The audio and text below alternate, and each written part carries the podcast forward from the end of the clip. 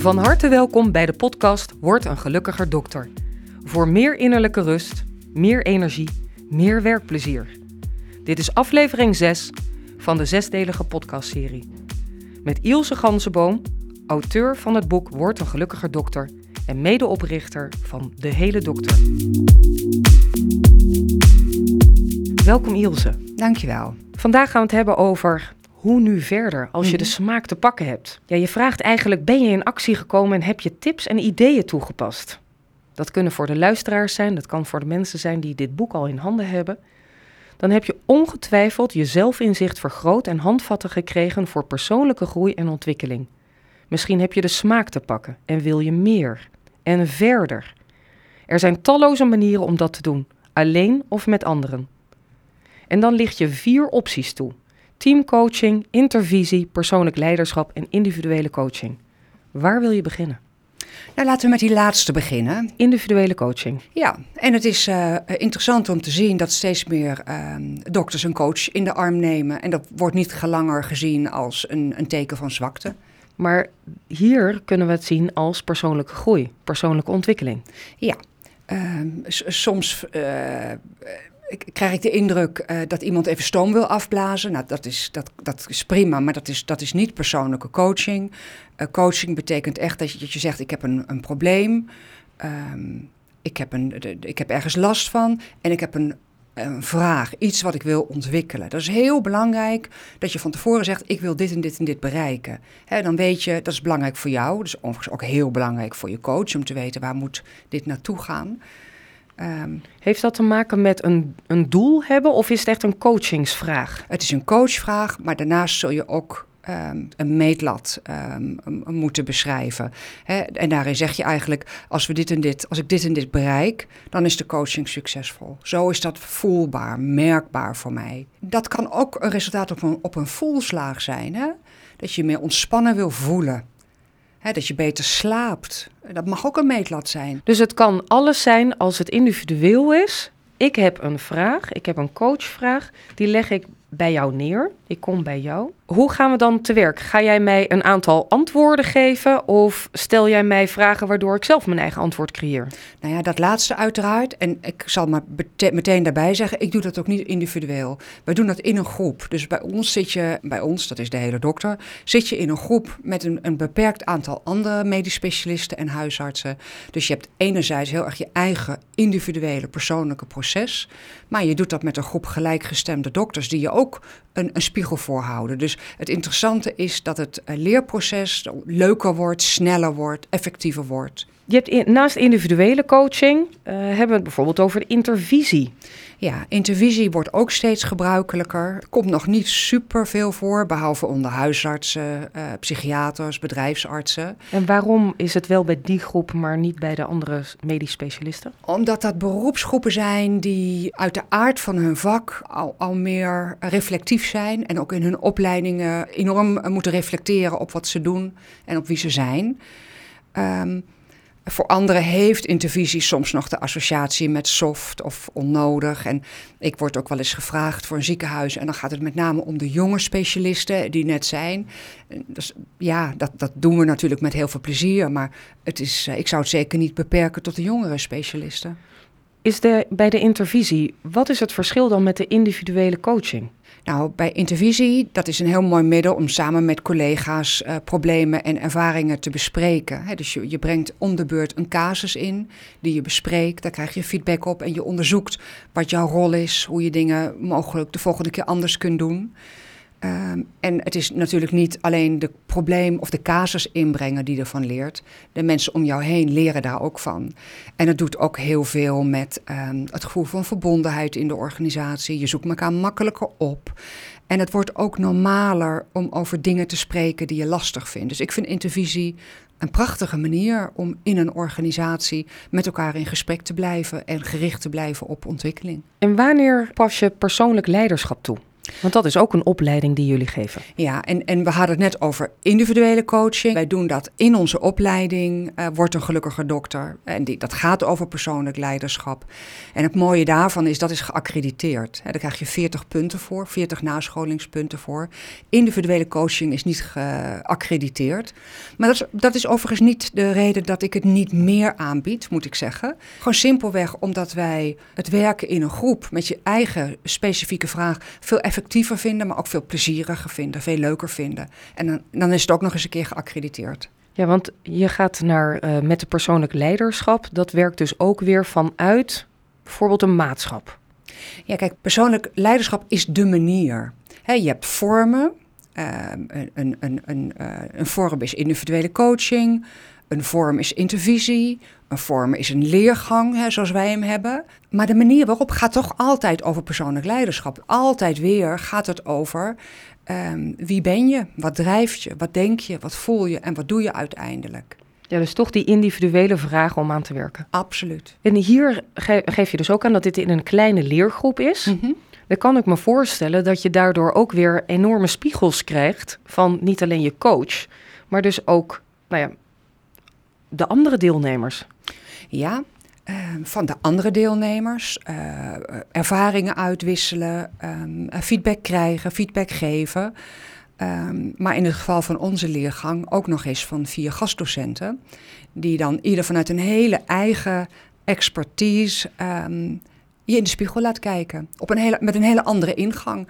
En de ene ingang, de ene vorm uh, vind je aangenamer of prettiger of werkt beter voor jou. En dat is, dat is helemaal oké. Als er maar ontwikkeling volgt. En dat is, uh, dat is altijd het geval. Oké, okay, dus bij persoonlijk leiderschap zijn niet alleen jullie als coacher, maar er zijn ook nog eens een keertje gastdocenten.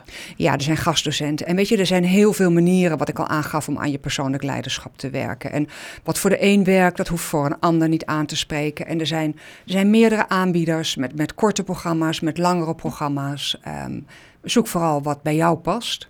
Ik vind het wel leuk om dit te lezen. Je zegt, sommige dokters denken dat je leiding moet geven aan anderen om aan je persoonlijk leiderschap te werken. Ja, en dat is niet het geval. Want nou ja, wat natuurlijk ook de, de, de, de kern is van waar wij het met elkaar over hebben, is dat persoonlijk leiderschap in eerste instantie gaat over leiding geven aan jezelf. En op het moment dat je dat kan, dan wordt leiding geven aan anderen een reële mogelijkheid.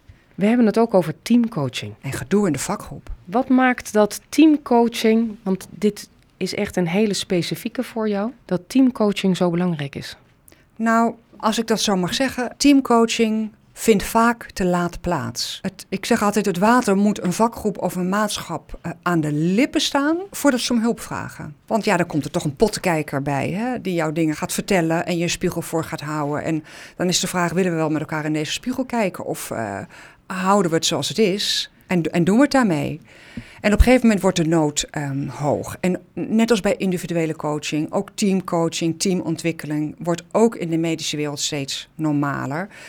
Um, en het is ook raadzaam om daaraan te denken, uh, want je bent min of meer met elkaar getrouwd, je deelt heel vaak een portemonnee, je bent samen verantwoordelijk voor productie, voor de kwaliteit van de zorg. Um, en heel vaak is het ook gedwongen.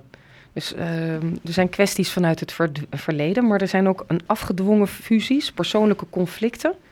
Nou, in, als er gedoe is in de vakgroep, dat klopt. Dan spelen vaak dingen uit het verleden een rol. Uh, wat, wat ze dan noemen een koude fusie, waarbij alleen maar naar inhoud en geld is gekeken en niet naar de, naar de relaties en, en, en de emoties die dat toch ook oproept.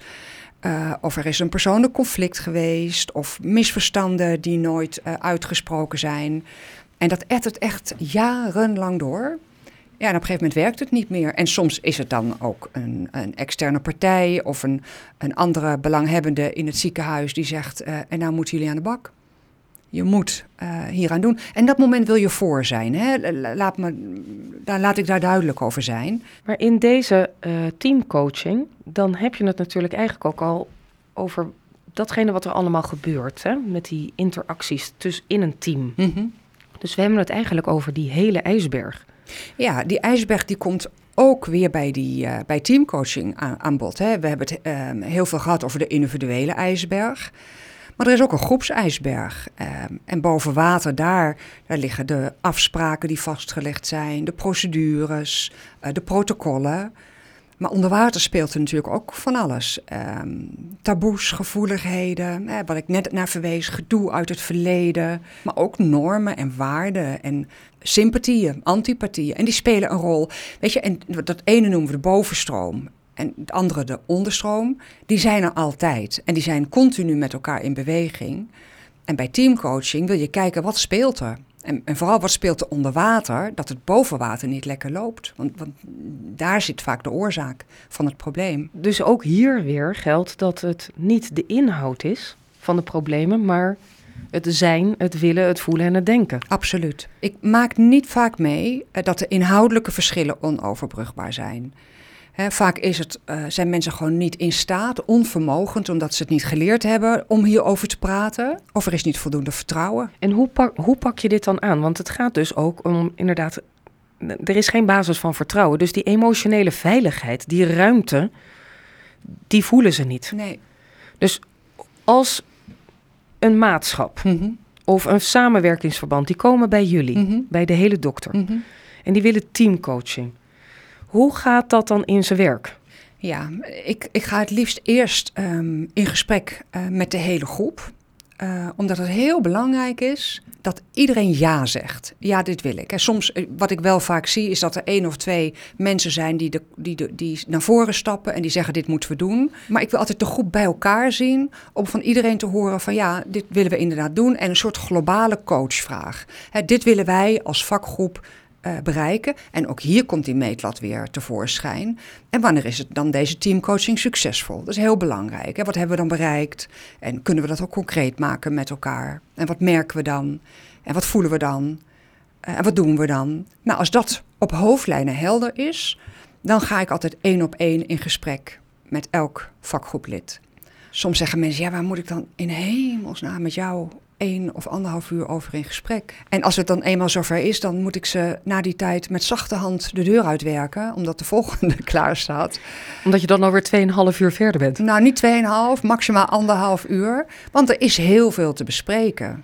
Maar er is niets misschien naar ze geluisterd. En door met, met mij te praten, hè, of met een van mijn collega's te praten, wordt duidelijk wat er speelt. En, en, en wat er ook onder water bij deze persoon speelt. Maar dat is heel belangrijk, omdat zo'n eerste één op één gesprek is natuurlijk veel veiliger. En er komt heel veel informatie boven, waarvan sommige delen uiteraard vertrouwelijk zijn. Maar die voor mij wel heel belangrijk zijn om vervolgens, hè, als ik iedereen individueel heb gesproken, om met de groep um, in gesprek te gaan. Um, want Hoeveel dan, tijd kost dit? Je bedoelt in, een, in teamcoaching zelf of in de lengte van maanden? Of? In de lengte van maanden. Stel, de maatschap komt bij jou, Spaarne Gasthuis komt bij jou. En die zeggen van, wij hebben een maatschap, we zijn met z'n negenen. Dus we hebben een gezamenlijk gesprek, we hebben individuele gesprekken. En hoeveel tijd daarna heb je dan weer een gezamenlijk gesprek? Oh, heel kort daarna. Als ik iedereen gesproken heb, dan zet ik op een A4'tje de essentie, de rode lijn op papier. En ook wat, wat ik denk dat zinvolle vervolgstappen zijn. Uh, die koppel ik terug en dan gaan we aan de slag. Uh, vaak is een eerste bijeenkomst, bestaat uit twee dagdelen. Uh, volgende bijeenkomsten vaak uit één dagdeel. Dat is vaak ook aan de rand van de dag, hè, in verband met uh, diensten en, en polies. En hoe lang het dan duurt, dat is maatwerk. Um, nooit langer dan moet en nooit korter. Totdat we de meetlat bereikt hebben. Hoe meer aandacht er is voor wat er onder water speelt en wat er bereikt moet worden, hoe meer afstemming daarover is, Um, hoe sneller het proces eigenlijk gaat. Weet je, we schetsen nu een, een situatie waar, um, waar een probleem is. Maar stel de angel is eruit. Ik adviseer elke vakgroep, ook al um, loopt het op wieletjes, ga minimaal één keer per jaar. En dat hoeft echt niet met ons, maar ga met iemand die je begeleidt één keer per jaar gewoon lekker met de, met de voeten op tafel en doe aan onderhoud. En niet alleen op inhoudelijke stukken, maar ook op het, uh, op het uh, klimaat, het werkklimaat, de veiligheid, de samenwerking en de communicatie. Dus zie het als een hele dure auto uh, die je moet onderhouden. Ja, en dan zie ik dus ook zowel die ruimte, die vrije ruimte tussen de personen. Mm -hmm. Uh, het open en eerlijk zijn, het nieuwsgierig ja. naar elkaar. Ja. Dus al die facetten wat in de afgelopen afleveringen naar voren is gekomen, die spelen een rol. Ja. De, de verschillende traptreders, die vier lagen van communicatie. Komt allemaal aan bod. De brug ook. De pijlers, absoluut. zeker die pijler van het vertrouwen, Ja. dat blijkt nu vanuit teamcoaching. cruciaal. Het kan natuurlijk ook zo zijn dat ze al prima presteren, maar dat ze beter willen worden. Of is er altijd een probleem aan de hand? Ja, er is altijd wel iets aan de hand. Ja, er is altijd wel iets aan de hand. Ehm, eh, beter worden, dat, dat gaat over de inhoud. Ehm, en daar is niks mis mee, hè? Om, om, om, om je ehm, medisch inhoudelijk te ontwikkelen en, en de, de opleiding nog wat mooier te maken. Hè? Als er sprake is eh, van, hè, van een opleiding in je vakgebied. Daar zit zelden de pijn. Dat gaat eigenlijk altijd over. Daar zal ik wat voorbeelden noemen van, Ja. van waar mensen mee komen. Ja. Nou, we, we hebben hem al genoemd. Hè. Dit, is, dit staat met stip op één. Een gebrek aan onderling vertrouwen. Eh, maar ook dat ze zeggen, we zijn een beetje loszand. Er is weinig cohesie en we, hebben, we, hebben, we delen niet dezelfde waarden. Ehm, ook eentje die ik veel tegenkom is ehm, taakverdeling eh, en, en productiviteit. Eh, dat sommigen zeggen, ja, het is oneerlijk het, hoe we dit doen. Het, het klopt hier niet. Ik voel me daar niet senang bij. Ehm, elkaar niet durven aanspreken. Dat kan natuurlijk ook al voorbij, zie je heel veel. Eh, conflicten, maar ook ineffectief vergaderen, waarbij vooral besluitvorming gedoe is. Hoe krijg je nou mooie gedragen besluitvorming? Maar ook verschil van inzicht over waar gaan we naartoe, over visie, ambitie, strategische doelen. Dat kunnen allemaal ingangen zijn om, eh, om met elkaar een teamontwikkeling te doen. ja, dus persoonlijke ontwikkeling en dan teamontwikkeling.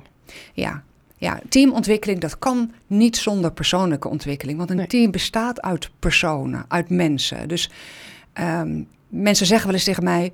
Ilse, het moet niet soft worden hoor. en dan zeg ik, nou, we zijn niet soft, maar we zijn wel heel persoonlijk. En daar zit een verschil. En daar zit absoluut een verschil. Ja. Want het kan heel hard zijn om persoonlijk te zijn en om duidelijk te zijn. En dat kan binnenkomen en dat, dat kan lastig zijn. Maar heel noodzakelijk om de boel schoon te houden. Wat ik heel vaak gebruik als het gaat over een team is de metafoor van een wond. Vaak zit er een verwonding. Ja. Nou ja, ehm, elke dokter heeft daar een heel goed beeld bij. Als die wond niet schoon is, gaat die nooit helen. Dus die wond moet schoon. En dat gaat eerst een beetje pijn doen, hè? want die zandkorrels of wat er ook maar in zit, ehm, die moet eruit. En dan is het, dan, dan is het eerst, eerst wordt het nog wat gevoeliger dus. Hè? Dus op het moment, eh, als je dingen niet aangaat of niet bespreekt, nou ja, dan doen we net alsof het er niet is. En du moment dat je een beetje in die wond gaat zitten eh, peuren, ja, dan, dan wordt het pijnlijker dan eerst. En dat, dat vertel ik ook altijd van tevoren. Schrik daar niet van dat het eerst een beetje meer gedoe eh, komt. Dat het eerst pijnlijker gaat voelen. Dat, dat, dat de moed je misschien wel in de schoenen gaat zinken. Maar hou vooral moed en loop door totdat we die wond schoon hebben. En dat je ook handvatten krijgt om eh, die wond schoon te houden en hem ook te laten helen. De wond is een prachtige metafoor voor deze doelgroep, voor de dokters. Absoluut. En soms, soms wordt die wel een absces genoemd. Dat kom ik ook tegen. Oh, dan zijn ze al echt inderdaad heel ver. Ja, maar, maar dan, is, dan, ehm, dan is er altijd nog heling mogelijk, om het maar in deze metafoor te houden. Persoonlijke ontwikkeling en teamcoaching. Je sluit je boek af met hoe nu verder. Mhm. Ik zou, daar graag, ik zou dat graag even willen voorlezen. Hoe nu verder? Hoe eet je een reuzenpompoen? Of een olifant? Het antwoord is hap voor hap. Dat geldt ook voor persoonlijke ontwikkeling en het worden van een gelukkiger dokter. De sleutel tot het bereiken van je doelen ligt in het nemen van kleine stappen. Elke dag sta je weer voor keuzes, die soms goed en soms minder goed uitpakken. Realiseer je dat je elke dag opnieuw kunt beginnen met dingen anders te doen. Experimenteer daarom met nieuw gedrag en ontdek wat wel voor je werkt en wat niet. Kleine haalbare veranderingen in je leven en werk kunnen al enorm veel impact hebben. Kies daarbij de weg die het beste bij je past. Wees geduldig en blijf vriendelijk voor jezelf. Je neemt niet van de ene op de andere dag afscheid van je oude manier van denken en werken. Oude patronen en gewoontes kunnen hardnekkig zijn. Maar het is de moeite waard om eraan te werken. Want je hebt een prachtig vak en nog een leven voor je. Dus word die gelukkiger dokter. Met meer innerlijke rust, met meer energie, met meer werkplezier. Prachtig slot. Dankjewel. Toch zou ik je willen vragen, wat is jouw laatste boodschap? Wat is je tip? Nou, de kernboodschap is, ehm, dokter, identificeer je niet alleen met je witte jas, maar heb ook aandacht voor de mens die erin zit. En zorg dat je naast je professionele ontwikkeling, dat je je ook persoonlijk blijft ontplooien. Want dan word je een helere dokter, maar ook een gelukkiger mens. Dankjewel Ilse. Graag gedaan. Dit was aflevering 6 van de zesdelige podcastreeks Word een gelukkiger dokter. Met Ilse Ganzenboom, auteur van Word een gelukkiger dokter en medeoprichter van De Hele Dokter.